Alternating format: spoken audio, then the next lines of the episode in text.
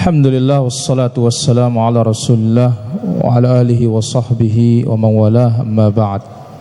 Para hadirin jamaah kaum muslimin dan muslimat yang dirahmati Allah azza wa jalla. Kita memuji Allah dan bersyukur atas nikmat yang diberikan kepada kita semua.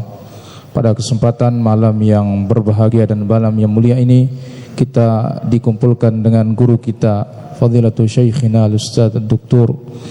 Abdul Razak ibn Abdul Mahsin Al-Abbad Al-Badr hafizahumullah taala. Dan ini kesempatan yang baik bagi kita semua. Guru kita mendatangi kita dan mudah-mudahan kita bisa mengambil faedah yang banyak, mendulang ilmu yang banyak dari kajian pada kesempatan malam ini.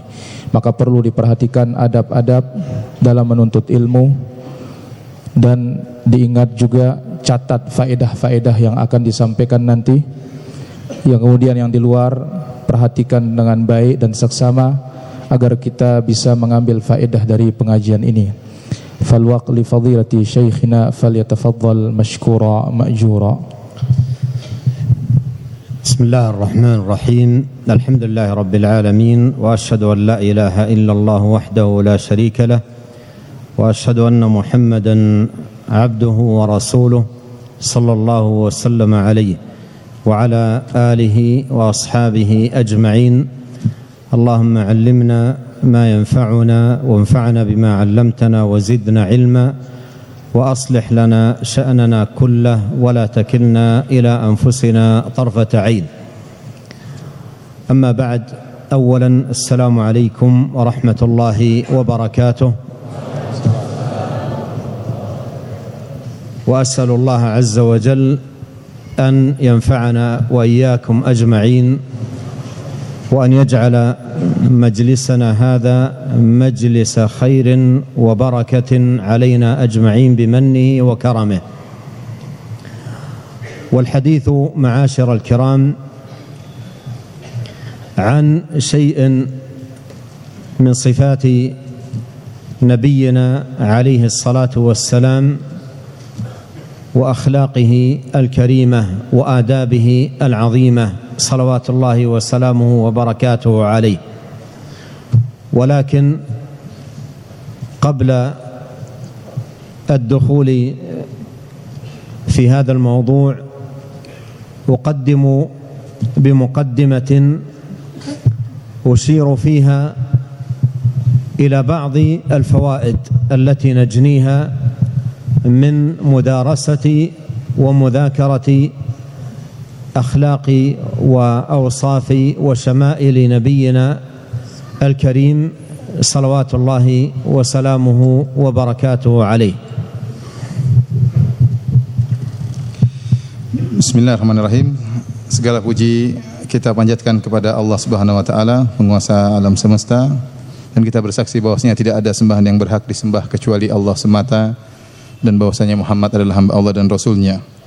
Kita mohon kepada Allah, Ya Allah, ajarkanlah kepada kami ilmu yang bermanfaat dan jadikanlah uh, ilmu kami kita amalkan dan tambahlah ilmu kami dan Ya Allah, luruskanlah segala urusan kami dan janganlah engkau serahkan diri kami kepada urusan kami kepada diri kami meskipun hanya sekejap mata.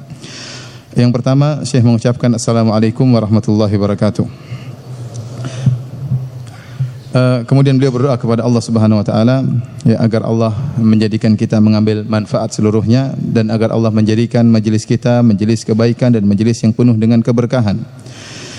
Para hadirin yang rahmati oleh Allah Subhanahu wa taala, pembahasan kita pada kesempatan kali ini adalah tentang sebagian dari sifat-sifat Nabi sallallahu alaihi wasallam Demikian juga akhlak Rasulullah sallallahu alaihi wasallam dan adab adab Rasulullah sallallahu alaihi wasallam yang agung.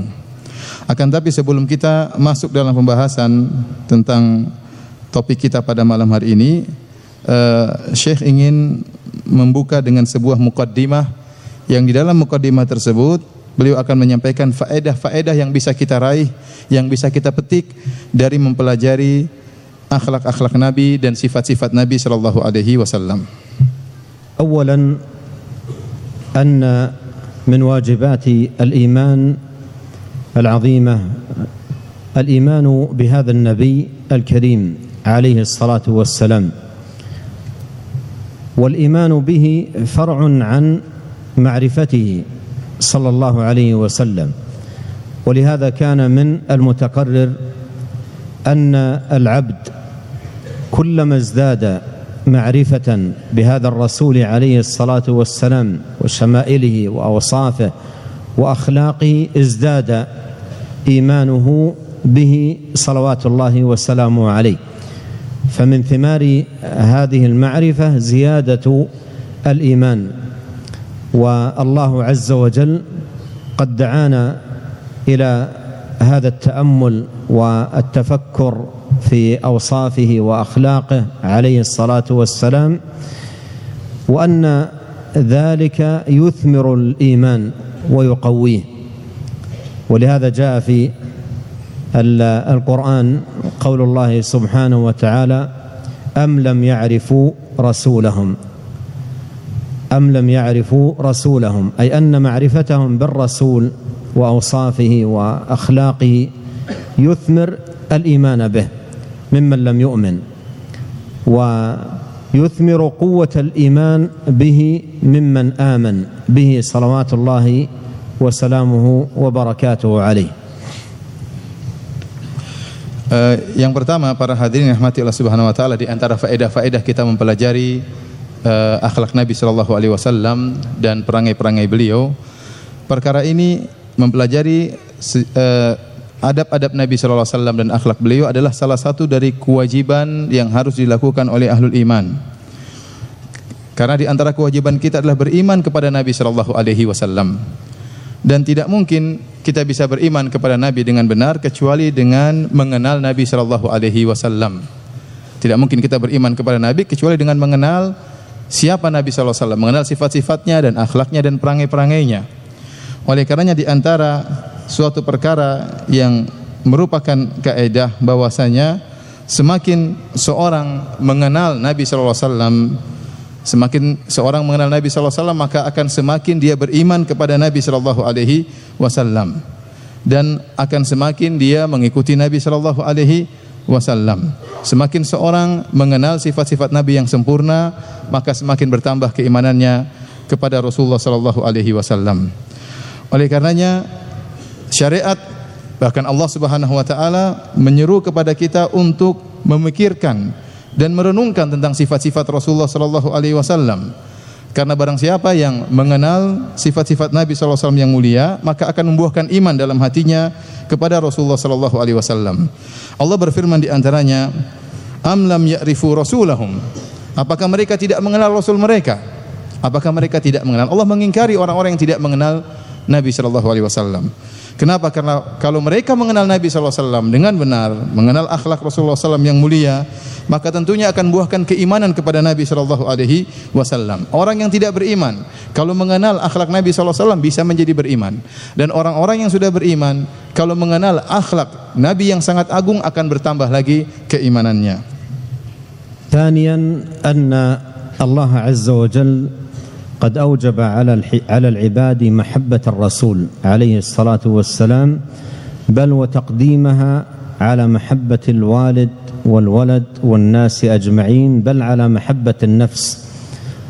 وقد قال عليه الصلاة والسلام والذي نفسي بيده لا يؤمن أحدكم حتى أكون أحب إليه من والده وولده والناس أجمعين. ولما قال عمر رضي الله عنه والحديث في صحيح البخاري والله لأنت يا رسول الله أحب إلي من كل شيء إلا من نفسي. قال النبي عليه الصلاة والسلام لا يؤمن أحدكم حتى أكون أحب إليه من نفسه. قال عمر والله لأنت الآن أحب إلي من نفسي. قال الآن يا عمر. فهذه المحبة التي أوجبها الله سبحانه وتعالى على العباد لهذا النبي الكريم عليه الصلاة والسلام مقدمة على محبة النفس والوالد والولد والناس أجمعين لها ما ينميها ويقويها وهو حسن المعرفة بهذا الرسول الكريم عليه الصلاة والسلام وأخلاقه وأوصافه وشمائله الكريمة. صلوات الله وسلامه عليه. وإذا كان الرجل في زمانه عليه الصلاة والسلام إذا أتاه ولقيه ورأى تعامله صلوات الله وسلامه عليه أثر فيه غاية التأثير.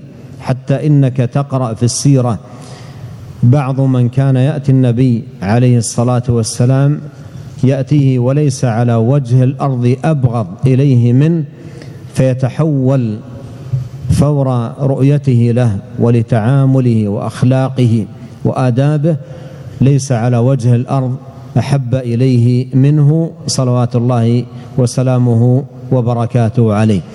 ولهذا يحتاج المرء ليقوي هذه المحبة محبة الرسول عليه الصلاة والسلام في نفسه.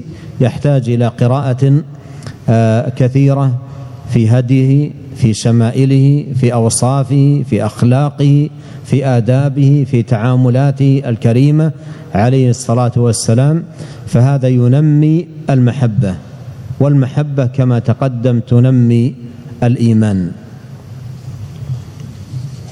Di antara faedah dari mempelajari akhlak Rasulullah sallallahu alaihi wasallam yang kedua yaitu Allah Subhanahu wa taala telah mewajibkan atas seluruh hamba untuk mencintai Rasulullah sallallahu alaihi wasallam. Bahkan bukan cuma wajibkan untuk mencintai Nabi, bahkan harus mendahulukan kecintaan kepada Rasulullah SAW daripada kecintaan terhadap anaknya, terhadap orang tuanya dan daripada seluruh manusia. Bahkan dia harus lebih mencintai Nabi SAW daripada dirinya sendiri. Ya. Oleh karenanya dalam suatu hadis Rasulullah SAW bersabda, La yu'minu ahadukum hatta akuna ahabba ilaihi min walidihi wa waladihi wan nasi ajma'in. Tidaklah salah seorang dari kalian beriman sampai aku lebih dia cintai daripada anaknya, daripada orang tuanya dan daripada seluruh manusia. Suatu hari ya, Umar pernah berkata kepada Nabi sallallahu alaihi wasallam sebagaimana dalam Sahih Al-Bukhari. Beliau berkata, "Wallahi ya Rasulullah, la anta ahabbu ilayya min kulli syai'in illa min nafsi." Wahai Rasulullah, engkau adalah orang yang paling aku cintai dari segala sesuatu kecuali terhadap diriku. Artinya Umar lebih cinta kepada dirinya daripada Nabi. Ya, semuanya saya lebih cinta engkau daripada segala perkara kecuali daripada diriku. Maka Nabi SAW menjelaskan bahwasanya tidaklah beriman sampai aku lebih engkau cintai daripada dirimu. Maka Umar berkata, la anta ahabbu ilayya hatta min nafsi. Wahai Rasulullah, sekarang engkau lebih aku cintai bahkan lebih aku cintai daripada diriku sendiri. Kemudian kata Rasulullah SAW, Al-an ya Umar, sekarang, yaitu sekarang baru sempurna iman engkau. Para hadirin rahmatillah subhanahu wa ta'ala, inilah rasa cinta kepada Nabi alaihi wasallam yang Allah wajibkan kepada para hamba-hambanya. Dia harus lebih cinta kepada Nabi wasallam daripada seluruh manusia, daripada anaknya, daripada orang tuanya, bahkan daripada dirinya sendiri. Dan jika seorang ya Bagaimana bisa mencintai Nabi sallallahu alaihi wasallam dengan baik yaitu dengan mengenal tentang akhlak Rasulullah sallallahu alaihi wasallam, mempelajari perangai-perangai beliau, mempelajari tentang adab-adab beliau. Kita perhatikan dalam hadis tadi disebutkan ada seorang di zaman Nabi sallallahu alaihi wasallam kalau bertemu dengan Nabi sallallahu alaihi wasallam kemudian melihat akhlak Nabi sallallahu alaihi wasallam melihat bagaimana cara bermuamalah Nabi sallallahu alaihi wasallam maka akan mempengaruhi keimanannya Ya, sampai kita dapatkan dalam hadis-hadis ada seorang dia datang menemui Nabi sallallahu alaihi wasallam dan tidak ada orang yang paling dia benci di atas muka bumi ini kecuali Nabi sallallahu alaihi wasallam. Wajah yang paling dia benci di atas muka bumi adalah wajahnya Nabi sallallahu alaihi wasallam. Tatkala dia bertemu dengan Rasulullah sallallahu kemudian dia melihat akhlaknya, melihat perangainya, melihat muamalah Nabi sallallahu alaihi wasallam, maka berubahlah dirinya. Akhirnya jadilah Nabi sallallahu alaihi wasallam orang yang paling dicintai di atas muka bumi ini. Jadilah wajah Nabi adalah wajah yang paling dia cintai di atas muka bumi ini. Oleh karenanya seorang ya untuk bisa menguatkan rasa cintanya kepada Nabi sallallahu alaihi wasallam hendaknya dia mempelajari ya sifat-sifat Nabi. Bagaimana akhlak Nabi? Dia harus banyak membaca. Membaca tentang petunjuk Nabi sallallahu alaihi wasallam, tentang syama'ilinya tentang perangai-perangai Nabi sallallahu alaihi wasallam, bagaimana muamalah Nabi sallallahu alaihi wasallam dan pelajari juga adab-adab Nabi sallallahu alaihi wasallam, maka hal ini akan menambah kecintaannya kepada Rasulullah sallallahu alaihi wasallam. أن الله عز وجل جعله للناس قدوة وللعباد أسوة صلوات الله وسلامه عليه. قال الله جل وعلا لقد كان لكم في رسول الله أسوة حسنة لمن كان يرجو الله واليوم الآخر وذكر الله كثيرا وأمر العباد باتباعه والسير على منهاجه واقتفاء أثره صلى الله عليه وسلم. قال الله عز وجل وما آتاكم الرسول فخذوه وما نهاكم عنه فانتهوا. وقال تعالى قل إن كنتم تحبون الله فاتبعوني يحببكم الله ويغفر لكم ذنوبكم. والآيات في هذا المعنى كثيرة. ولا يمكن أن يتأتى هذا هذا التأسي والاتباع والسير على منهاج الرسول الكريم عليه الصلاة والسلام إلا بالقراءة لهديه وسيرته وأخلاقه وآدابه صلوات الله وسلامه عليه. Yang ketiga, Allah Subhanahu wa taala telah menjadikan Rasulullah sallallahu alaihi wasallam sebagai teladan, ya sebagai uswah, sebagai contoh bagi seluruh manusia dan hamba-hamba Allah Subhanahu wa taala. Allah berfirman, "Laqad kana lakum fi Rasulillahi uswatun hasanah." Sungguh pada diri Nabi sallallahu alaihi wasallam ada teladan yang indah, teladan yang indah bagi kalian. Liman kana yarjullaha wal yaumal akhir, bagi orang yang mengharapkan Allah dan hari akhirat. Kemudian Allah Subhanahu wa taala juga memerintahkan para hamba untuk meneladani Nabi sallallahu alaihi wasallam, untuk berjalan mengikuti manhaj Nabi sallallahu alaihi wasallam. Allah berfirman, "Wa ma atakumur rasulu fakhudhuh wa ma nahakum anhu fantahu." Apa yang datang dari Rasul maka ambillah. Allah suruh niru Nabi sallallahu alaihi wasallam. Allah suruh untuk meneladani Rasulullah sallallahu alaihi wasallam. Apa yang datang dari Nabi ambillah dan apa yang dilarang maka tinggalkanlah. Allah juga berfirman, "Qul in kuntum tuhibbunallaha fattabi'uni." yuhibbukumullah. Kalau kalian ya cinta kepada Allah Subhanahu wa taala maka ikutilah aku ikutilah aku yaitu ikuti Nabi sallallahu alaihi wasallam. Dan ayat-ayat yang seperti ini banyak dalam Al-Qur'an.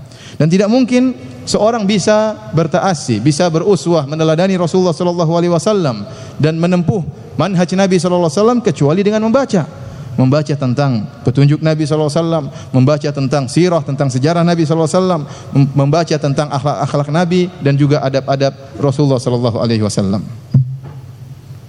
رابعا أن الله عز وجل أخبر أن هذا النبي الكريم عليه الصلاة والسلام أولى بكل مؤمن من نفسه كما قال الله تبارك وتعالى في سورة الأحزاب النبي أولى بالمؤمنين من أنفسهم. وجاء في صحيح البخاري أن النبي عليه الصلاة والسلام قال ما من مؤمن ولا مؤمنة إلا وأنا أولى به من نفسه. وقال اقرأوا إن شئتم النبي أولى بالمؤمنين من أنفسهم. وهذه الأولوية التي جعلها الله سبحانه وتعالى لهذا النبي الكريم يجب على أتباعه أن يدركوها وأن يعوها. فهو عليه الصلاة والسلام أولى بنفسك أيها المؤمن منك لأنه أنصح لنفسك منك وأغير عليك منك وأشفق عليك منك وأحرص عليك منك صلوات الله وسلامه عليه. لقد جاءكم رسول من أنفسكم عزيز عليه ما عنتم. حريص عليكم. بالمؤمنين رؤوف رحيم. ولما كان شأنه كذلك أنه أولى بك من نفسك وجب عليك أن تقدم محبته على محبة نفسك وأن تقدم طاعته على طاعة نفسك لأنه أولى بنفسك منك. وإذا تنازع أمران أمر يدعو إليه الرسول عليه الصلاة والسلام وأمر تدعو إليه نفسك فالمقدم أمره لأنه أولى بنفسك منك وأحرص على نفسك منك وأنصح لنفسك منك وإذا علم ذلك صار من المتأكد على كل مسلم أن يقرأ في هدي وسيرة وأخبار وآداب هذا الرسول عليه الصلاة والسلام الذي هو أولى بكل مؤمن ومؤمنة من نفسه Uh, yang faedah yang keempat ya, bahwasanya Allah Subhanahu wa taala Allah Subhanahu wa taala mengabarkan bahwasanya nabi yang mulia ini itu Rasulullah sallallahu alaihi wasallam lebih utama ya bagi setiap mukmin daripada dirinya sendiri daripada dirinya sendiri Allah Subhanahu wa taala berfirman an-nabiyyu aula bil mu'minina min anfusihim bahwasanya Nabi sallallahu alaihi wasallam lebih utama ya terhadap kaum mukminin daripada kaum mukminin terhadap diri mereka sendiri. Oleh kerana dalam satu hadis dalam Sahih Al-Bukhari Rasulullah SAW bersabda, "Ma min mu'minin wala mu'minatin illa ana aula binafsihi." Ya, tidaklah seorang mukmin atau seorang mukminah kecuali aku lebih utama terhadap dirinya daripada dirinya terhadap dirinya. Ya. Dan keutamaan ini, ya maka Rasulullah SAW kemudian mengatakan bacalah kalau kalian berkehendak ayat tadi dalam surat Al-Ahzab. An-nabiyyu aula bil mu'minina min anfusihim. Nabi lebih utama bagi kaum mukminin daripada diri mereka sendiri. Dan keutamaan ini Allah Subhanahu wa taala jadikan bagi kepada pengikut-pengikut Nabi sallallahu alaihi wasallam. Hendaknya para pengikut Nabi sallallahu alaihi wasallam mengenal akan keutamaan ini dan agar mereka mengerti akan keutamaan ini engkau harus sadar bahwasanya Nabi lebih utama bagi dirimu daripada dirimu sendiri. Kenapa? Karena Nabi sallallahu alaihi wasallam lebih ingin kebaikan bagi dirimu daripada dirimu sendiri. Dan Nabi sallallahu alaihi wasallam lebih sayang kepada dirimu daripada dirimu sendiri. Dan Nabi sallallahu alaihi wasallam lebih semangat untuk memberikan kebaikan kepadamu daripada dirimu sendiri. Dan Rasulullah sallallahu alaihi wasallam juga lebih tidak ingin engkau mendapatkan ya keburukan daripada dirimu sendiri. Oleh karenanya Allah Subhanahu wa taala berfirman, "Laqad ja'akum rasulun min anfusikum azizun 'alaihi ma anittum harisun 'alaikum bil mu'minina raufur rahim." Kata Allah Subhanahu wa taala, sungguh telah datang kepada kalian seorang rasul dari diri-diri kalian. Azizun 'alaihi ma anittum. Dia merasa berat apa yang memberatkan kalian. Jadi kalau apa yang memberatkan kita Rasulullah SAW lebih terasa berat lagi harisun alaikum dan sangat bersemangat untuk memberikan kebaikan kepada kalian bil mu'minina raufur rahim dan sangat lembut dan sangat sayang kepada kaum mukminin. Tatkala kita mengerti akan hal ini bahwasanya Nabi SAW begitu perhatian terhadap umatnya maka wajib bagi kita untuk mendahulukan kecintaan kepada Nabi SAW daripada kecintaan terhadap diri kita sendiri. Maka anda harus mendahulukan ketaatan kepada Nabi daripada ketaatan terhadap jiwa anda. Kenapa? Karena Nabi lebih utama bagi diri anda daripada diri anda terhadap diri anda. Anda harus lebih mengutamakan Nabi daripada diri anda sendiri. Para hadirin yang Subhanahu wa taala, maka jika ada dua perkara yang saling bertentangan, satu berkaitan dengan perintah Nabi sallallahu alaihi wasallam, perkara berkaitan dengan perintah Nabi, yang satu berkaitan dengan kepentinganmu maka yang lebih kau dahulukan adalah perkara Nabi sallallahu alaihi wasallam daripada kepentingan dirimu sendiri.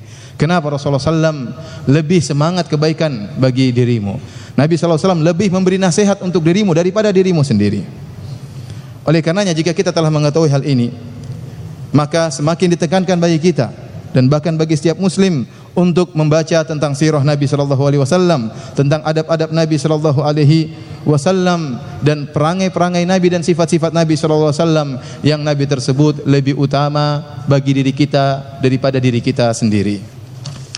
Khamisan Allah azza wa jalla أقسم في القرآن الكريم على كمال خلق هذا الرسول الكريم صلوات الله وسلامه عليه وأنه أكمل الناس خلقا وأعظمهم ادبا صلوات الله وسلامه عليه. كما قال الله تبارك وتعالى وإنك لعلى خلق عظيم.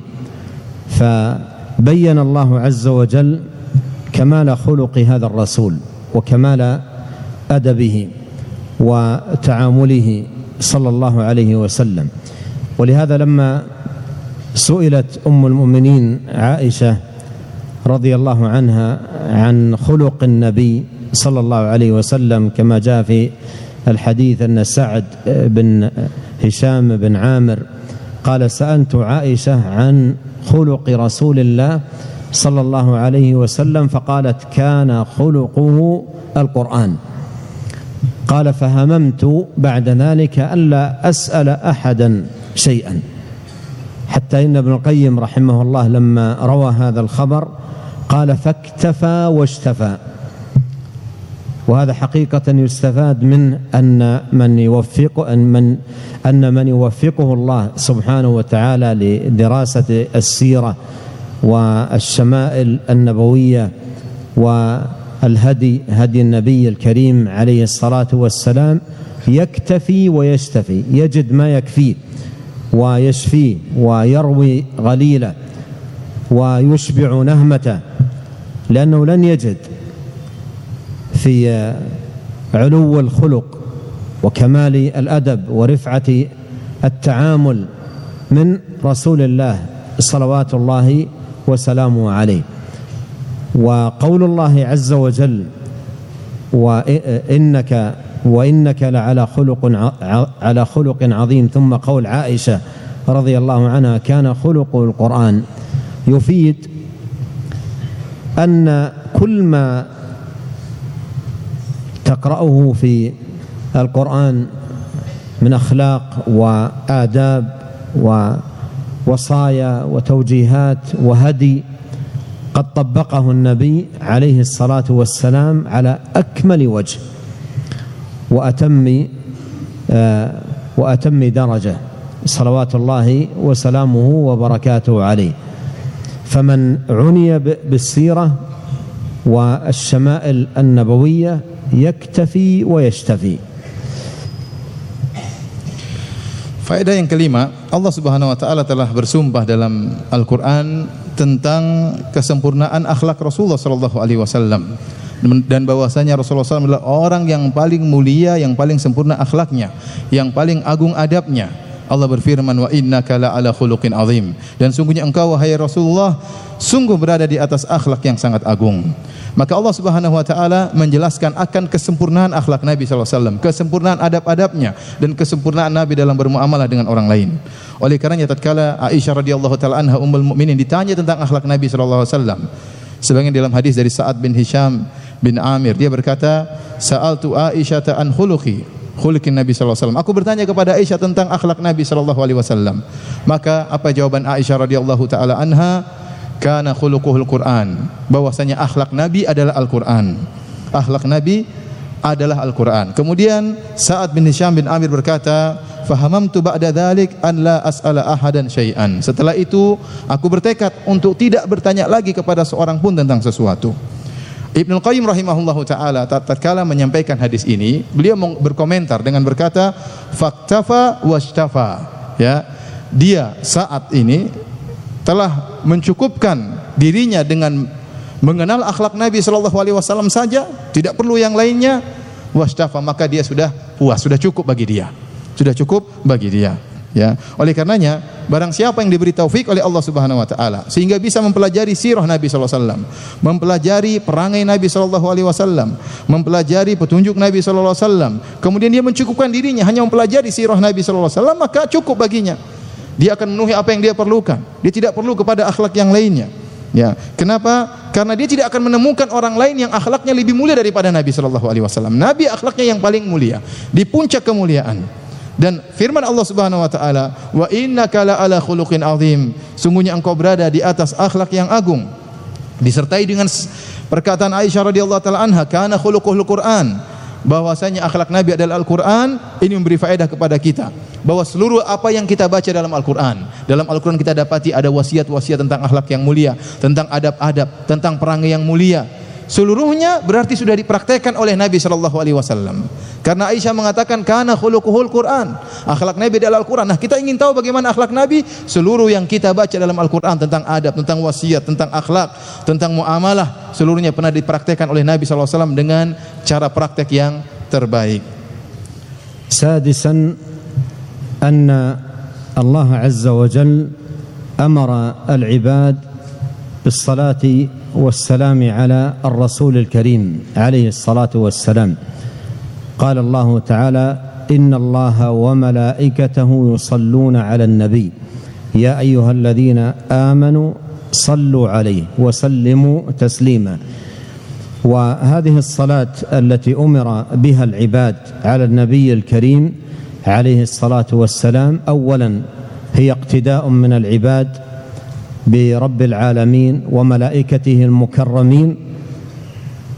وثانيا فيها جزاء لهذا النبي الكريم عليه الصلاة والسلام على بعض حقوقه على أمته صلى الله عليه وسلم. وكلما ازداد المرء بصيرة بشمائل النبي عليه الصلاة والسلام وسيرته العطرة عظم حظه ونصيبه من الصلاة على النبي صلى الله عليه وسلم. بل أمر آخر نبه عليه الإمام ابن القيم رحمه الله تعالى ألا وهو أن صلاته على النبي صلى الله عليه وسلم تحسن. حتى قال رحمه الله إن صلاة أهل العلم على النبي عليه الصلاة والسلام بما آتاهم الله من بصيرة بهديه وأخلاقه وشمائله أعظم من صلاة العوام عليه. لماذا؟ لأن من عنده بصيرة بهدي النبي عليه الصلاة والسلام حينما يصلي عليه استحضر في قلبه من المكانة والقدر والخلق والفضل لهذا النبي عليه الصلاة والسلام ما لا يستحضره من لم يكن على بصيرة. Yang berikutnya yang keenam, faedah yang keenam bahwasanya Allah Subhanahu wa taala telah memerintahkan hamba-hambanya untuk bersolawat dan bersalam kepada Rasulullah sallallahu alaihi wasallam. Dalam firman-Nya innallaha malaikatahu yusalluna 'alan nabi ya ayyuhalladzina amanu sallu alaihi wa sallimu taslima. Sungguhnya Allah dan para malaikatnya telah bersolawat kepada Nabi sallallahu alaihi wasallam. Wahai orang-orang yang beriman, bersolawatlah dan bersalamlah kepada Rasulullah sallallahu alaihi wasallam. Dan salawat ini yang Allah Subhanahu wa taala perintahkan para hamba untuk menyampaikannya kepada Nabi sallallahu alaihi wasallam. Yang pertama, ini adalah bentuk dari para hamba mencontohi Rabbul Alamin. Karena yang bersalawat Allah Subhanahu wa taala. Kemudian para malaikat juga bersalawat kepada Nabi sallallahu alaihi wasallam. Nah, kita disuruh untuk mencontohi Allah Subhanahu wa taala dan para malaikat yang mereka bersalawat kepada Nabi sallallahu alaihi wasallam. Dan ini merupakan salah satu bentuk dari membalas hak Nabi sallallahu alaihi wasallam atau sebagian hak Nabi sallallahu alaihi wasallam terhadap umatnya. Nabi memiliki hak yang banyak harus kita tunaikan. Di antara bentuk penunaian, penunaian sebagian hak Nabi adalah dengan bersolawat kepada Rasulullah sallallahu alaihi wasallam. Karena jika seorang hamba semakin dia mengerti dan berilmu tentang sirah Nabi sallallahu alaihi wasallam, maka semakin agung hak Nabi sallallahu alaihi wasallam dan semakin besar ya uh, apa yang dia dapatkan dari solawat kepada Nabi sallallahu alaihi wasallam. Oleh karenanya Ibnu Qayyim rahimahullahu taala menjelaskan bahwasanya solawatnya ahli ilm. Kalau ulama bersolawat kepada Nabi sallallahu alaihi wasallam disertai dengan ilmu tentang akhlak Rasulullah sallam, tentang adab Nabi sallallahu alaihi wasallam, tentang sirah Nabi sallallahu alaihi wasallam, maka salat salat salawatnya menjadi lebih agung di sisi Allah daripada salawatnya orang-orang awam. Daripada salawatnya orang-orang awam. Boleh sama salawatnya boleh sama tetapi nilainya berbeda di sisi Allah Subhanahu wa taala. Kenapa? Karena seorang alim tatkala dia bersolawat hadir dalam hatinya tentang keagungan Nabi sallallahu alaihi wasallam, tentang hak-hak Nabi sallallahu alaihi wasallam. Bagaimana sifat-sifat Nabi yang mulia, bagaimana adab-adab Nabi wasallam yang agung, maka tatkala itu ya salawat dia lebih bernilai di sisi Allah Subhanahu wa taala daripada salawatnya orang-orang awam. سابعا أن سيرة النبي عليه الصلاة والسلام وهديه القويم يعد منهج حياة في كل الجوانب عبادة وخلقا وأدبا وتعاملا إلى غير ذلك وكلما اعتنى العبد بالقراءة لسيرة النبي عليه الصلاة والسلام وآدابه قويت فيه هذه الجوانب في وتحلي المرء بالأخلاق الفاضلة والآداب الكاملة والتعاملات الكريمة فإن القراءة بحد ذاتها للسيرة تنمي الخلق تنمي الأدب تنمي التعامل الكريم ولهذا انظر لواقع كثير من الشباب والشابات المؤلم عندما يمموا في قراءاتهم ومطالعتهم بل في زماننا هذا في مشاهداتهم ونظرهم لما يمموا جهة التافهين والتافهات وسير الضائعين والضائعات يقرؤونها ويتتبعون كيف أثرت على أخلاق الشباب. وأخلاق الشابات تأثيرا بالغا في العقائد والعبادات والأخلاق والتعاملات تأثيرا بالغا. وهذا أمر لا يخفى في واقعنا المعاصر وهو نتاج انصراف كثير من الشباب والشابات إلى قراءه سير آه، كثير من الناس هو في نفسه ضائع لكنه تميز بجوانب من اللهو أو جوانب من المرح أو جوانب من آه، هذه الأمور فانعكفوا أو عكفوا على قراءة سيرته وحياته وأشياء من هذا القبيل ثم يأتي من بعد ذلك التأثر والتأثير أيضا على هؤلاء الشباب والشابات.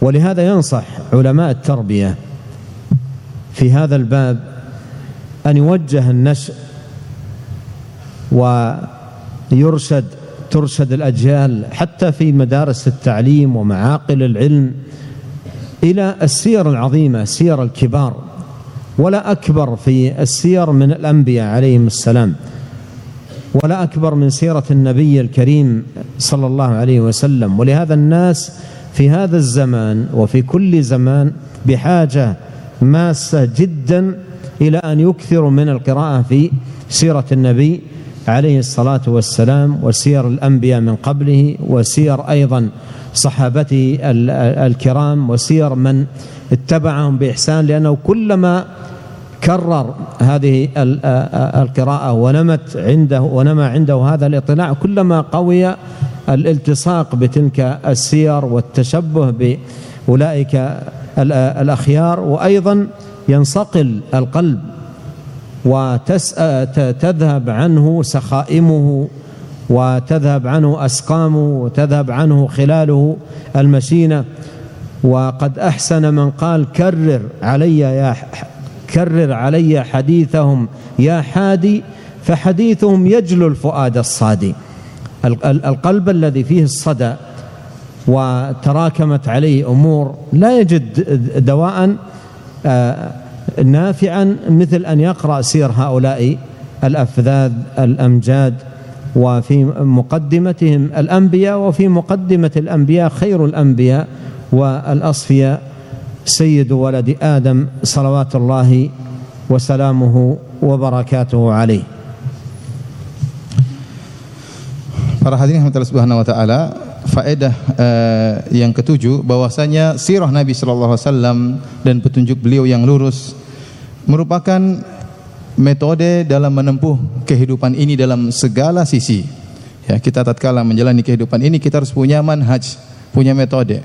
Bagaimana mengetahui metode, metode tersebut dengan mempelajari sirah Nabi sallallahu alaihi wasallam dalam segala sisi, baik dalam peribadatan, baik dalam berakhlak, dalam adab, bagaimana bermuamalah dan yang lainnya.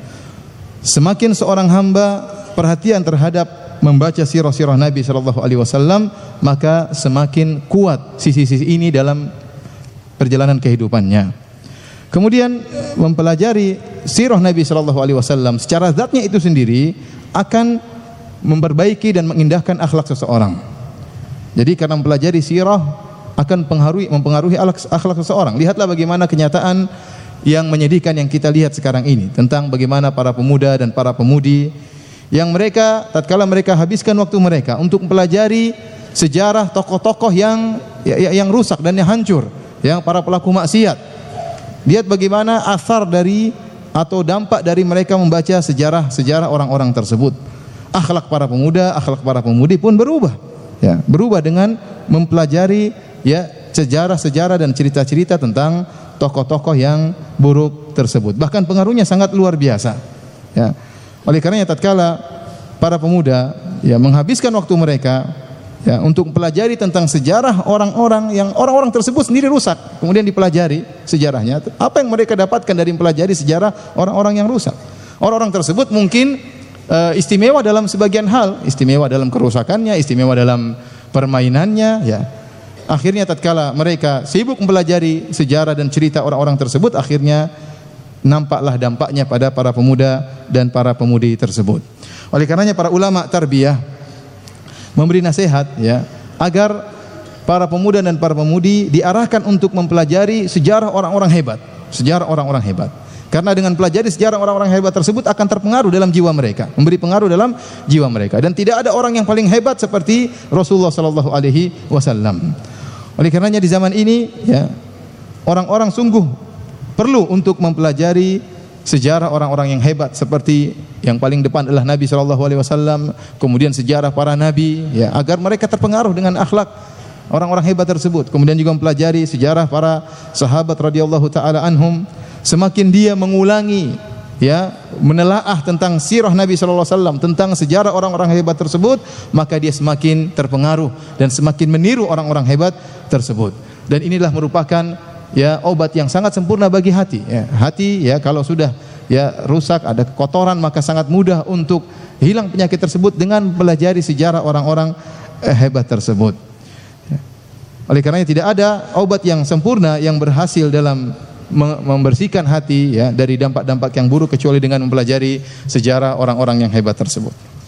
ثامنا وهو ينبني على ما قبله أن في القراءة لسيرة النبي عليه الصلاة والسلام وشمائله المباركة وتربية النشأ والشباب والفتيات على القراءة لسيرته فيه تهذيب للنفوس وللقلوب وقضاء على الانحراف ووسائل آه، الضلال لأن كل أمة ليس لها قدوات في الخير أمة ضائعة أمة ضائعة. فكم يحتاج هؤلاء الشباب أن أن يبرز لهم وينشأون تنشئة قوية جدا على المحبة الصادقة قوة الإيمان بالرسول عليه الصلاة والسلام وبصحابته الكرام رضي الله عنهم. فكل ما كان هذا قويا في نفوسهم ففيه قضاء على الانحراف ووسائله. وكم تحتاج الأمة فعلا إلى سد منافذ الضلال ومنافذ الانحراف وفي الارتباط بالسيرة سيرة النبي الكريم صلى الله عليه وسلم أكبر ما يعين هؤلاء الناشئة على السلامة من الفتن السلامة من الشرور السلامة من المنزلقات. ولهذا كثيرا ما يركز أعداء دين الله عز وجل وهذا الآن مبثوث كثيرا في القنوات المواقع في الانترنت التشكيك في قدوات الأمة. التشكيك في قدوات الأمة لأن عزل الأمة أو عزل الناشئه والشباب عن مواطن القدوة في هذه الأمة هو هو هو عين الضياع والانحراف. Yang kedelapan, faedah yang kedelapan dan ini dibangun di atas faedah sebelumnya yaitu tentang membaca sejarah orang-orang yang hebat seperti Nabi SAW dan para sahabatnya ya. Maka jika seorang pemuda dan pemudi ya, sering membaca tentang sejarah orang-orang hebat tersebut maka ini akan pengaruhi dalam pemantapan jiwanya dalam pengaturan jiwanya. Dan juga yang paling penting adalah mencegah dia dari segala sarana-sarana kerusakan dari eh, sarana-sarana yang bisa merusak jiwanya. Oleh karenanya setiap umat yang tidak punya kudwah, yang tidak punya teladan, tidak punya contoh yang diikuti maka umat tersebut umat yang sesat, umat yang rusak. Oleh karena dari sini kita mengetahui bagaimana butuhnya para pemuda dan para pemudi untuk semakin cinta kepada ya Nabi SAW dan para sahabatnya. Karena semakin kuat cinta mereka kepada tokoh-tokoh hebat tersebut, kepada para nabi, kepada Nabi SAW, kepada para sahabat, maka semakin mereka mudah terjauhkan dari sarana-sarana kerusakan. Ya. Oleh karenanya mempelajari uh, sejarah Nabi SAW merupakan ya metode yang paling membantu untuk menyelamatkan para pemuda, para pemudi dari hal-hal yang merusak mereka. Dan ini diketahui oleh musuh-musuh Islam. Musuh-musuh Allah, musuh-musuh Islam mereka mengerti bahwasanya kalau para pemuda terjauhkan dari teladan dari tokoh-tokoh hebat tersebut maka mereka akan rusak. Oleh karenanya mereka menanamkan racun dalam uh, dalam apa namanya tayangan-tayangan televisi ataupun dalam internet. Mereka menanamkan keraguan terhadap tokoh-tokoh tersebut agar kita ragu terhadap Nabi SAW, agar kita ragu terhadap para sahabat. Sehingga kalau para pemuda sudah ragu terhadap para sahabat, kemudian mereka menjauhi para sahabat, maka mereka akan terjerumus dalam segala kerusakan. تاسعا أن السيرة سيرة النبي عليه الصلاة والسلام في قراءتها عطر للمجالس ونزهة للنفوس وراحة للنفوس القلوب وبستان للعارفين. ولهذا عدد من العلماء المتقدمين ممن ألفوا في سيرة النبي الكريم عليه الصلاة والسلام أسموا مؤلفاتهم بما يشير إلى هذا المعنى مثل الروض الأنف و بستان العارفين بهجة قلوب الأبرار أسماء آه، لعدد من المصنفات لأهل العلم بهذا المعنى وهذا الفحوى. أقول ذلك لأنك إن عودت نفسك فعلا على القراءة في سيرة النبي عليه الصلاة والسلام وهديه وشمائله ستجد فيها من البهجة والراحة والأنس وطمأنينة القلب وانشراح الصدر ما لا تجده في أي أي مجال آخر. ما لا تجده في أي مجال آخر. تجد أن قلبك يرتاح نفسك تأنس. السيرة بحد ذاتها روضة فيها أجمل القطوف. وأبهج الجنى وأطيب الزهور و وذلك لما حل الله عز وجل به هذا النبي عليه الصلاة والسلام. والله إنك لتقرأ القصة الواحدة من من سيرته فتجد فيها ما يبهج القلب ويؤنس الفؤاد. ولهذا فعلا نحتاج إلى أن أن نعطر مجالسنا أن نؤنس قلوبنا أن نبهج خواطرنا بأن نقرأ في سيرة نبينا عليه الصلاة والسلام أن نقرأ في سيرة نبينا الكريم صلوات الله وسلامه عليه. قراءة تغذي النفوس وتربي القلوب وتصلح الضمائر. نعم. Uh, kemudian faedah yang uh, kesembilan ya, bahwasanya mempelajari sirah Nabi Shallallahu alaihi wasallam ini adalah uh, me mewangikan majelis-majelis, mengindahkan majelis-majelis. Ya, dan ini merupakan bentuk kesenangan bagi jiwa-jiwa ya. Oleh karenanya banyak para ulama tatkala mereka menulis buku-buku, mereka menamakan atau memberi judul buku-buku mereka dengan judul-judul yang menunjukkan akan hal ini. Contohnya ada buku judulnya Raudul Unuf, dikatakan raud itu taman-taman karena mempelajari sirah Nabi seakan-akan kita masuk dalam taman. Kita merasa bahagia, merasa tentram, merasa tenang. Contohnya buku judulnya Bustanul Arifin, bustan juga artinya taman. Demikian juga Bahjat Qulubil Abrar ya tentang kegembiraan, kesenangan. Yang buku-buku ini isinya adalah tentang hadis-hadis Nabi, tentang sirah-sirah Nabi sallallahu alaihi wasallam. Kenapa orang yang pelajari tentang sirah Nabi dia akan mendapatkan ketentraman, akan mendapatkan ketenangan. Kata Syekh, aku mengatakan hal ini. Ya. Kenapa kalau engkau membiasakan dirimu untuk mempelajari sirah Nabi sallallahu alaihi wasallam, maka engkau akan dapati dalam mempelajari sirah Nabi kau akan dapati kegembiraan, ketenteraman, ketenangan, ya terlapangkan dada yang kau tidak akan dapati di tempat yang lain. Kau akan hanya dapati dalam sirah Nabi sallallahu alaihi wasallam. Engkau akan dapati dirimu akan merasa tentram tatkala mempelajari sirah Nabi sallallahu alaihi wasallam. Seakan-akan engkau sedang berada di suatu taman, taman yang indah, yang di situ ada bunga-bunga yang indah, ada buah-buah yang mudah untuk dipetik, semuanya berisi ketentraman dan ketenangan. Sungguhnya bahkan jika engkau membaca satu kisah saja dari sirah Nabi sallallahu alaihi wasallam, engkau dapati kisah tersebut menenteramkan hati engkau. Oleh karenanya kita perlu untuk mewangikan mewangikan majelis-majelis kita dengan pelajari sirah Nabi sallallahu alaihi wasallam, dengan membaca sirah-sirah Nabi sallallahu alaihi wasallam yang akhirnya memenuhi apa yang kita cari, dicari oleh jiwa-jiwa kita dan menyegarkan dan membersihkan hati-hati kita.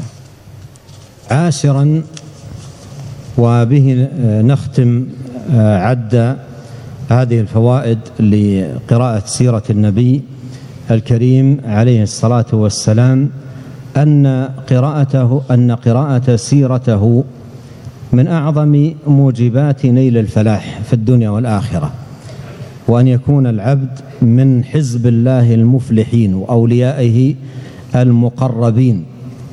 والفلاح كما ذكر العلماء رحمهم الله تعالى هي أجمع كلمة آه تدل على حيازة الخير في الدنيا والآخرة. بل آه، كما قال العلماء ليس في كلام العرب كلمة أجمع في حيازة الخير في الدنيا والآخرة من كلمة الفلاح.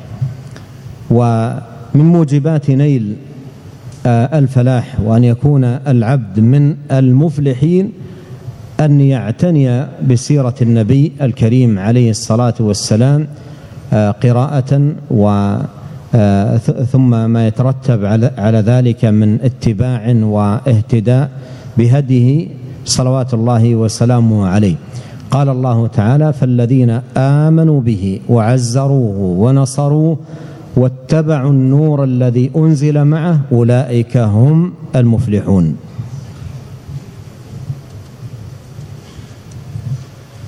Yang terakhir yang ke-10 dan inilah faedah yang terakhir dari mempelajari sirah Nabi sallallahu alaihi wasallam bahwasanya mempelajari sirah Nabi sallallahu alaihi wasallam merupakan perkara yang paling memudahkan kita untuk meraih al-falah, meraih kebahagiaan, meraih kemenangan. Ya, dan menjadikan seorang hamba termasuk dari orang-orang yang bahagia. Dan al-falah ya, dalam bahasa Arab adalah kalimat yang paling kuat yang menunjukkan seorang meraih kebaikan di dunia dan akhirat. Itu namanya al-falah, yaitu meraih kebaikan di dunia dan akhirat. Dan kalimat yang paling menunjukkan akan hal tersebut adalah kalimat al-falah dalam bahasa Arab. Oleh karena sebagian ulama mengatakan tidak ada dalam bahasa Arab suatu kata yang menunjukkan meraih kebaikan dunia dan akhirat kecuali seperti kalimat al-falah. Oleh karenanya jika seorang ingin termasuk dari jajaran orang-orang yang al-muflihin, yang bahagia, yang mendapat kemenangan, mendapatkan kebaikan dunia dan akhirat, hendaknya dia mempelajari sirah Nabi sallallahu alaihi wasallam. Kemudian setelah mempelajari sirah Nabi sallallahu alaihi wasallam, dia sertakan dengan mencontohi Nabi sallallahu alaihi wasallam sebagaimana dalam sirah Nabi sallallahu alaihi wasallam. Sebagaimana Allah berfirman dalam Al-Qur'an, "Falladzina amanu bihi wa, wa azaruhu wa nasaruhu" Falladzina amanu bihi. Falladzina amanu bihi نعم وعزروه وأزروه ونصروه واتبعوا النور الذي واتبعوا النور الذي أنزل معه wattaba'un nur alladhi unzila ma'ahu ulaika humul muflihun ya kata Allah Subhanahu wa taala dan orang-orang yang beriman kepada Nabi sallallahu alaihi wasallam kemudian menolong Nabi sallallahu alaihi wasallam dan mengikuti cahaya yang diturunkan oleh Allah kepada Nabi sallallahu alaihi wasallam maka mereka itulah orang-orang yang beruntung orang-orang yang muflihin بهذا معاشر الكرام نكون قد انتهينا من المقدمة لهذه المحاضرة لندخل الآن في المقصود وهو صفات النبي الكريم عليه الصلاة والسلام وأخلاقه القويمة Dengan demikian para hadirin hadirin dan hadirat yang dirahmati oleh Allah Subhanahu wa taala, kita telah selesai dari mukaddimah ya. Kita telah selesai dari mukaddimah dan sekarang kita baru masuk dalam dari inti muhadharah kita, yaitu tentang mempelajari akhlak Nabi sallallahu alaihi wasallam.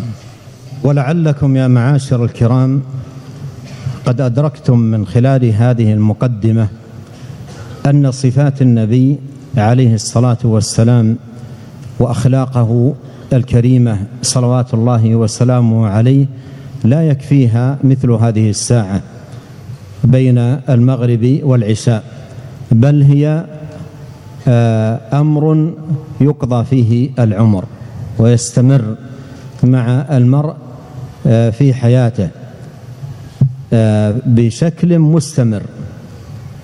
يستفيد مما كتبه أهل العلم وبينوه في مصنفاتهم وكتبهم وهي كثيرة جدا.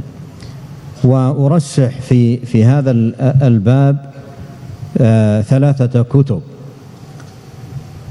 الأول الشمائل النبوية للإمام الترمذي رحمه الله تعالى. والثاني الفصول في سيرة الرسول صلى الله عليه وسلم. والثالث الأدب المفرد للإمام البخاري رحمه الله تعالى. وهناك رسالة آه، صغيرة الحجم عظيمة الفائدة لشيخ الإسلام ابن تيمية جاءت ضمنا في كتابه الكبير الجواب الصحيح لمن بدل دين المسيح. عقد فصلا في صفات النبي عليه الصلاة والسلام وأخلاقه وشمائله. جمع فيها جمعا نافعا ومفيدا للغاية. وهذه الرسالة قيد التهيئة والإعداد ولعلها إن شاء الله تطبع هنا في هذه المنطقة. يتولاها أهل الفضل والخير وتوزع بين الناس وأيضا تقرأ في المساجد والمدارس وتتداول بين طلاب العلم. ويكون هذا اللقاء نواة إن شاء الله لمجالس عديدة تعقد فيما بعد من قبل الأفاضل في في في المنطقة من الدعاة والمشايخ الكرام والأساتذة في المدارس. يتضافر الجميع على العناية بالناشئة تعليما لهم وتأديبا وتربية على سيرة النبي الكريم. وهديه القويم صلوات الله وسلامه وبركاته عليه. وأسأل الله عز وجل باسماء الحسنى وصفاته العليا أن ينفعنا أجمعين بما علمنا وأن يزيدنا علما وتوفيقا وأن يصلح لنا شأننا كله والا يكلنا إلى أنفسنا طرفة عين. ولعل من الحاضرين من يسجلها ملاحظة على هذه المحاضرة أن آه، مقدمتها أطول منها.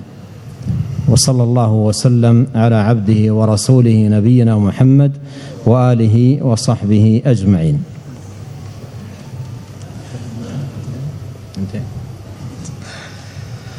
Uh, para hadirin dan hadirat yang dirahmati oleh Allah Subhanahu wa taala uh, dengan kita mengetahui mukaddimah ya yang panjang ini ya kita mengetahui bahwasanya ya kita mengerti bahwasanya untuk belajar akhlak Nabi sallallahu alaihi wasallam dan sifat-sifatnya tidak cukup kalau cuma dari maghrib sampai isya ya.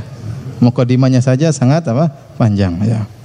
Bahkan belajari sejarah Nabi sallallahu alaihi wasallam adalah harus terus-menerus seumur hidup kita harus mempelajari sejarah Nabi sallallahu alaihi wasallam. Seumur hidup kita harus mempelajari sirah Nabi sallallahu alaihi wasallam. Dan ada beberapa buku, beliau menyebutkan tiga buku yang beliau ya apa namanya usulkan untuk dipelajari agar kita mengenal lebih dekat tentang sejarah Nabi, akhlak Nabi, perangai Nabi SAW. Yang pertama adalah kitab Asy-Syama'il Al-Muhammadiyah karangan Al-Imam Tirmidzi rahimahullahu taala. Kitab yang kedua adalah Al-Fusul fi Siratir Rasul karangan Al-Imam Ibnu Katsir rahimahullahu taala. Kemudian kitab yang ketiga kitab Al-Adabul Mufrad karangan Al-Imam Al-Bukhari dan ada yang keempat ya ada risalah yang, eh, yang yang yang tidak besar risalah yang kecil ya tapi faedahnya luar biasa tentang sirah Nabi dan akhlak Nabi serta perangai Nabi SAW uh, risalah tersebut adalah karangan Syekhul Islam Ibn Taimiyah rahimahullahu taala. Dan risalah tersebut ter termaktub dalam buku Ibn Taimiyah yang berjudul Al-Jawabus Sahih liman baddala dinal masih. Jawaban yang benar terhadap orang yang merubah ajaran Nabi Isa alaihissalam. Itu bantahan terhadap orang-orang Nasrani. Dalam buku tersebut ada suatu fasal yang ditulis oleh Ibnu Taimiyah rahimahullah tentang akhlak Nabi SAW dan sifat-sifatnya. Dan itu buku yang sangat bermanfaat. Ibnu Taimiyah mengumpulkan hadis-hadis Nabi SAW tentang perangai Nabi dan juga sifat-sifat Nabi dengan ya mantap tatkala beliau mengumpulkan hadis-hadis tersebut yang beliau pilih. Dan mudah-mudahan ya, mudah-mudahan buku tersebut bisa dicetak, mungkin diterjemahkan dan dibagi-bagikan. Ya, mungkin ada ahlul khair, donatur yang mau membiayai sehingga dibagi-bagikan di Lombok ya. Kemudian mungkin bisa dijadikan bahan untuk uh, daurah atau pengajian-pengajian oleh para asatidzah al-fudhala ya sehingga ini merupakan cikal bakal untuk mempelajari sirah-sirah Nabi sallallahu alaihi wasallam ya. Dan kita tahu ini pengajian mukadimahnya sangat apa? Sangat panjang ya. Enggak tahu eh, intinya belum masuk ya, tapi sepertinya Syekh sudah selesai ya. ya. Kita berdoa kepada Allah Subhanahu wa taala semoga Allah Subhanahu wa taala memberikan faedah dan manfaat dari majelis kita ini dan semoga Allah Subhanahu wa taala memperbaiki segala urusan kita dan tidak menyerahkan diri kita kepada urusan kita kepada diri kita sendiri meskipun hanya sekejap mata. Demikian wallahu taala alam bisawab.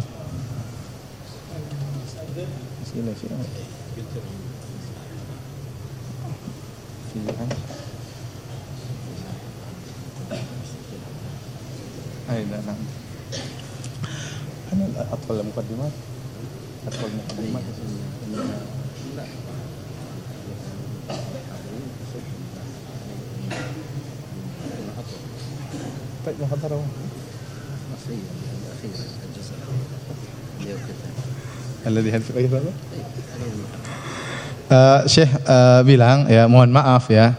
Muhadarahnya yang tadi yaitu tadi mukadimahnya sudah 10 mukadimah muhadarahnya yang tadi. Bahwasanya berusaha untuk baca sirah nabi seumur hidup. Itu muhadarahnya jadi sudah selesai. Tadi saya tanya Syekh muhadarahnya mana? Ya tadi muhadarahnya katanya. Ya sudah selesai ya.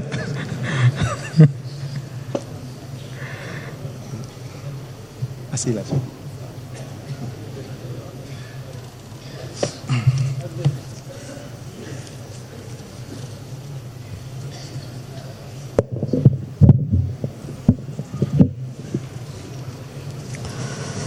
Allahu Akbar Allahu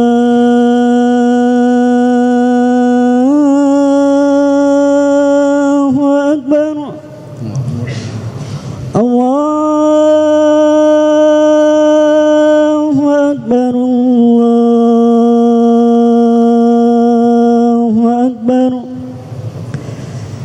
أشهد أن لا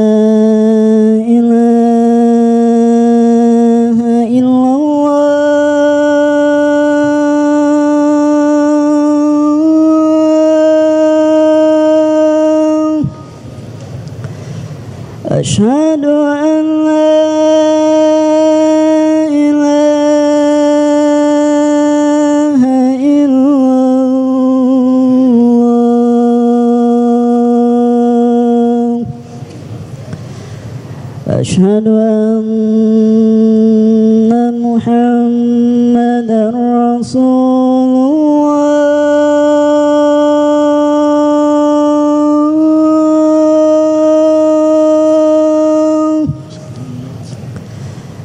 أشهد أن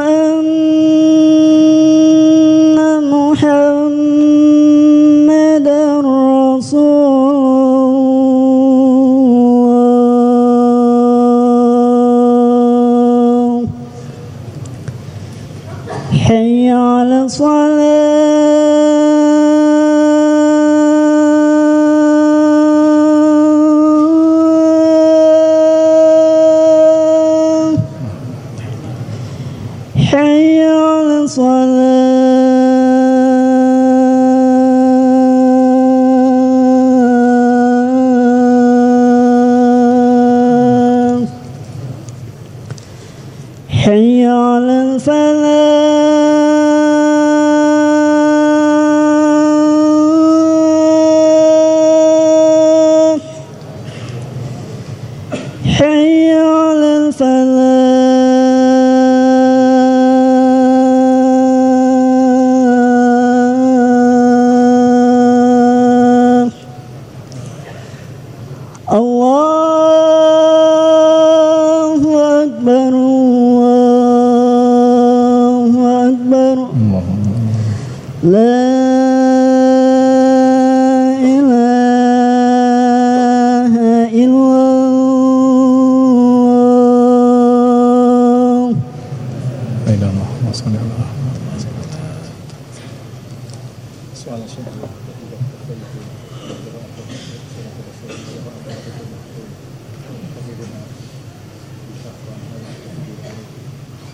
Eh, pertanyaan pertama, apabila saya mencukupkan diri untuk membaca sirah Nabi dengan baca kitab Rahikul Makhtum karya Sofiur Rahman Al Mubarak Furi, saya ulang dengan terus menerus, apakah sudah cukup bagi saya untuk membaca- membaca sirah Nabi?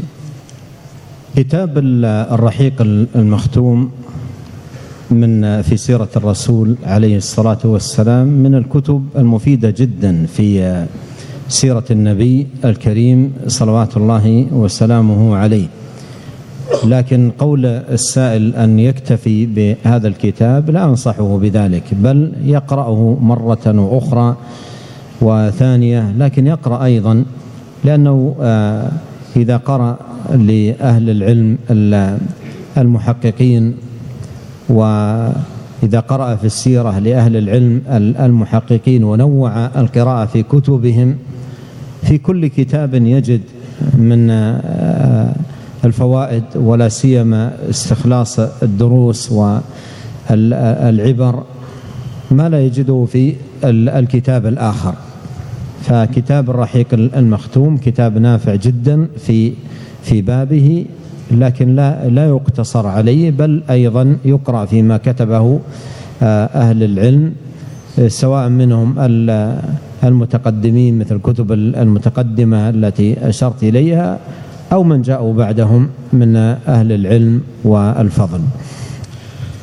Eh, beliau menjelaskan bahwasanya kitab Rahikul Makhtum karangannya Sofiur Rahman Al Mubarak Furi adalah kitab yang sangat bermanfaat, sangat bermanfaat dalam menjelaskan tentang sirah Nabi Shallallahu Alaihi Wasallam. Tetapi per- perkataan penanya yang mengatakan saya cukupkan diri saya dengan membaca kitab Rahikul Makhtum maka saya, tidak setuju dan tidak menasihatkan hal tersebut. Ya akan tapi hendaknya dia baca Rahikul Makhtum sekali, dia baca lagi dua kali, mungkin tiga kali. Setelah itu dia baca lagi buku-buku sirah yang lain yang ditulis para ahli tahqiq, para peneliti dari kalangan para ulama. Kenapa? Setiap dia membaca buku sirah yang ditulis oleh ulama yang lain, dia akan mendapati faedah-faedah, pelajaran-pelajaran, ibrah-ibrah yang tidak dia dapatkan dalam buku yang lain. Masing-masing punya keistimewaan. Masing-masing penulis mengeluarkan faedah-faedah yang tidak ditulis oleh penulis yang lain. Di antaranya buku-buku tadi yang telah diisyaratkan oleh Syekh, ada empat buku tadi telah kita jelaskan ya. Eh, seperti Adabul Mufrad, kemudian Fusul of Siratir Rasul yang tadi telah kita sebut bukunya Ibnu Taimiyah rahimahullah ya, itu kita baca juga sehingga meskipun Rahikul Makhtum adalah buku yang sangat bermanfaat, tapi seorang jangan hanya mencukupkan dirinya dengan baca buku tersebut saja.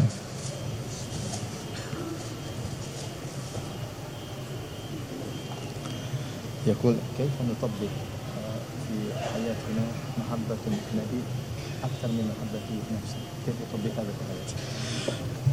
ini pertanyaan bagaimana mengaplikasikan dalam kehidupan kalau kita mencintai lebih mencintai Nabi lebih daripada diri kita sendiri? آه، يسأل السائل الكريم كيف نطبق في حياتنا تطبيقا عمليا نكون فيه فعلا مقدمين لمحبة النبي عليه الصلاة والسلام على محبتنا لأنفسنا والجواب أن هذا الأمر لا يأتي هكذا بل لا بد فيه من مجاهدة للنفس.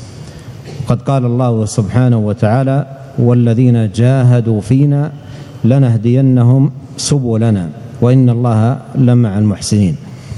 ولا بد فيه من أمور معينة على هذا الأمر ومن أعظم ما يعين هذا على هذا الأمر ال- القراءة في النصوص ال- ال- القرآنية التي تبين مكانة هذا النبي عليه الصلاة والسلام وأحقيته بالتقديم في المحبة على محبة النفس لأنه أولى صلى الله عليه وسلم بنفسك منك. ولهذا يقال في هذا الباب الذي يعينك على تحقيق هذا المعنى هو العلم الشرعي. بما أوجبه الله عليك والعلم الشرعي بسيرة هذا الرسول عليه الصلاة والسلام وهديه القويم ومع هذا التعلم آه، العناية بالقراءة لسيرة النبي صلى الله عليه وسلم تسأل الله دوما أن يعينك وأن يهديك وأن يوفقك وألا يكلك إلى نفسك فالدعاء مفتاح كل خير في الدنيا والآخرة Uh, beliau menjelaskan bahwasanya untuk bisa menerapkan kita lebih mencintai Nabi SAW daripada mencintai diri kita, ini tentunya tidak mudah. Tidak datang dengan tiba-tiba. Habis pengajian langsung kita bisa mencintai Nabi lebih daripada diri kita sendiri. Ini tidak bisa langsung datang demikian, tetapi harus dengan perjuangan. Harus dengan perjuangan. Dan Allah Subhanahu wa taala berfirman, "Walladzina jahadu fina lanahdiyannahum subulana." Dan orang-orang yang berjuang untuk menempuh jalan kami, kami akan kami akan bukakan jalan-jalan kami baginya. Oleh karenanya, dia harus berusaha dan berjuang. Dan ada perkara-perkara yang bisa membantu dia untuk lebih mencintai Nabi daripada dirinya sendiri. Dan di antaranya perkara tersebut yang paling perlu adalah membaca nas-nas dalam Al-Qur'an ya yang menunjukkan tentang keagungan Nabi sallallahu alaihi wasallam. Baca Al-Qur'an. Lihat bagaimana tentang keagungan Nabi sallallahu alaihi wasallam dalam Al-Qur'an tersebut.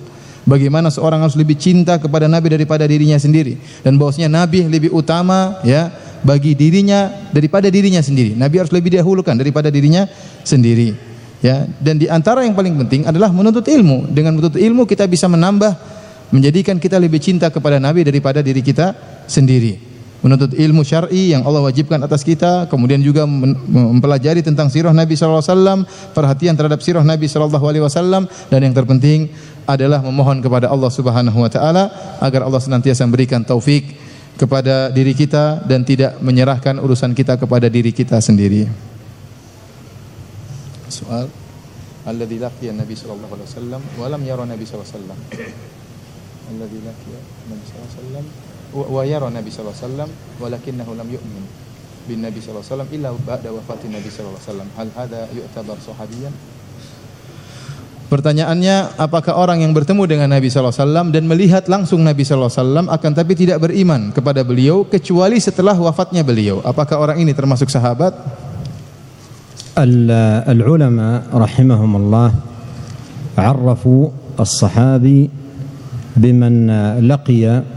النبي عليه الصلاة والسلام مؤمنا به ومات على الإسلام ولو تخلل ذلك ردة ولو تخلل ذلك ردة فمن آمن به لقيه وآمن به ومات على الإسلام فهو من أصحاب النبي الكريم عليه الصلاة والسلام.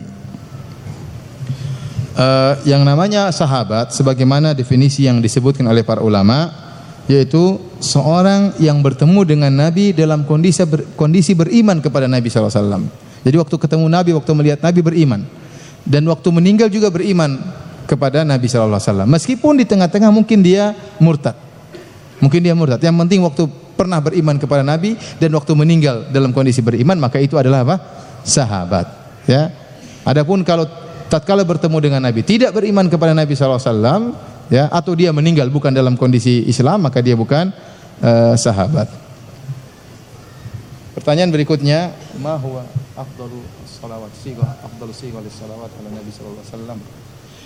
Eh, pertanyaan berikutnya apa bunyi solawat yang paling afdol yang diajarkan oleh Nabi sallallahu alaihi wasallam?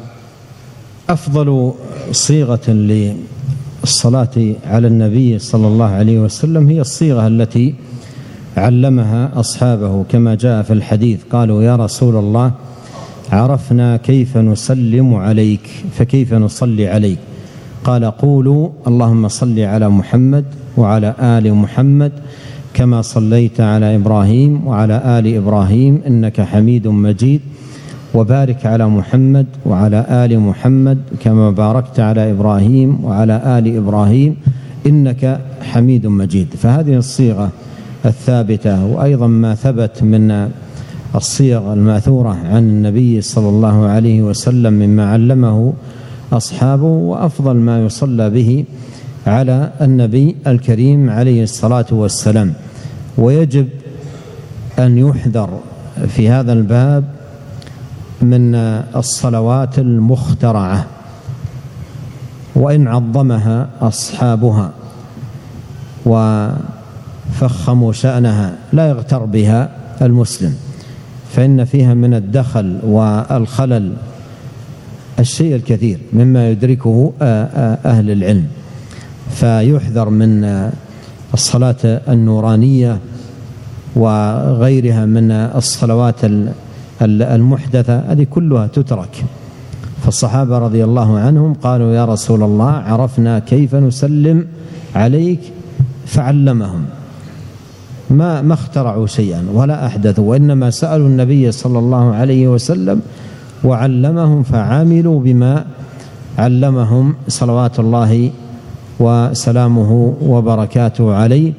ونسأل الله الكريم أن ينفعنا أجمعين بما علمنا وأن يزيدنا علما وتوفيقا وأن يصلح لنا شأننا كله. إنه سميع قريب مجيب. سبحانك اللهم وبحمدك أشهد أن لا إله إلا أنت. أستغفرك وأتوب إليك. اللهم صل وسلم على عبدك ورسولك نبينا محمد وآله وصحبه. Para hadirin dan hadirat yang dirahmati oleh Allah Subhanahu wa taala, uh, sirah atau bentuk lafal solawat yang terbaik adalah yang pernah diajarkan oleh Nabi wasallam kepada para sahabat. Para sahabat pernah datang kepada Nabi wasallam. Kemudian mereka berkata, "Ya Rasulullah, kami telah mengetahui bagaimana mengucapkan salam kepada Anda.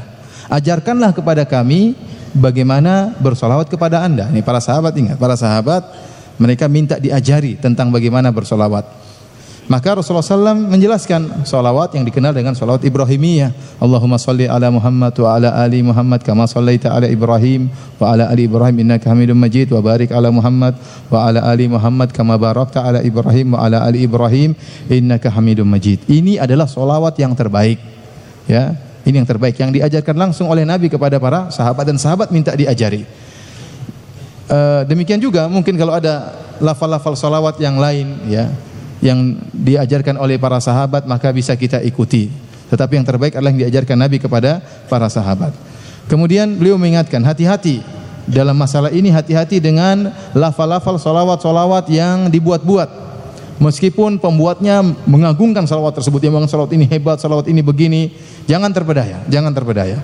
Yang terbaik adalah solawat yang diajarkan oleh Nabi Shallallahu Alaihi Wasallam. Ya, maka jangan seorang terpedaya karena orang mengatakan demikian ini solawat begini, solawat begini, jangan terpedaya. Karena setelah diteliti oleh para ulama, ternyata solawat solawat buatan tersebut sering ada masalahnya, sering ada permasalahan, sering ada permasalahan dalam maknanya, dalam lafalnya, seperti solawat nuraniyah atau solawat yang lainnya, solawat nari atau yang lainnya. Ya, oleh karenanya eh, perhatikan para sahabat mereka canggih bahasa Arabnya ya, tapi mereka tidak bikin solawat sendiri. Mereka datang kepada Nabi tanya bagaimana cara bersolawat. Ya. Lebih canggih sahabat atau orang-orang sekarang. Sahabat lebih hebat dalam bahasa Arab. Mereka datang kepada Nabi dan bertanya ya Rasulullah bagaimana cara kami bersolawat. Mereka minta diajari, Nabi ajarkan, kemudian mereka pegang teguh cara bersolawat tersebut. Maka ini adalah solawat yang terbaik. Demikianlah para hadirin dan hadirat yang dirahmati oleh Allah Subhanahu Wa Taala. Kajian kita pada kesempatan malam hari ini. Semoga Allah Subhanahu wa taala menjadikan kita bisa mengambil manfaat dari ilmu yang kita pelajari dan semoga Allah menambahkan ilmu kita dan semoga Allah Subhanahu wa taala memperbaiki segala urusan kita dan tidak menyerahkan urusan kita kepada diri kita sendiri. Demikianlah para hadirin kajian kita. Kita tutup dengan kafaratul majelis subhanakallah bihamdik. Asyhadu alla ilaha illa anta. Astaghfiruka wa atubu ilaik. Assalamualaikum warahmatullahi wabarakatuh. Assalamualaikum warahmatullahi wabarakatuh.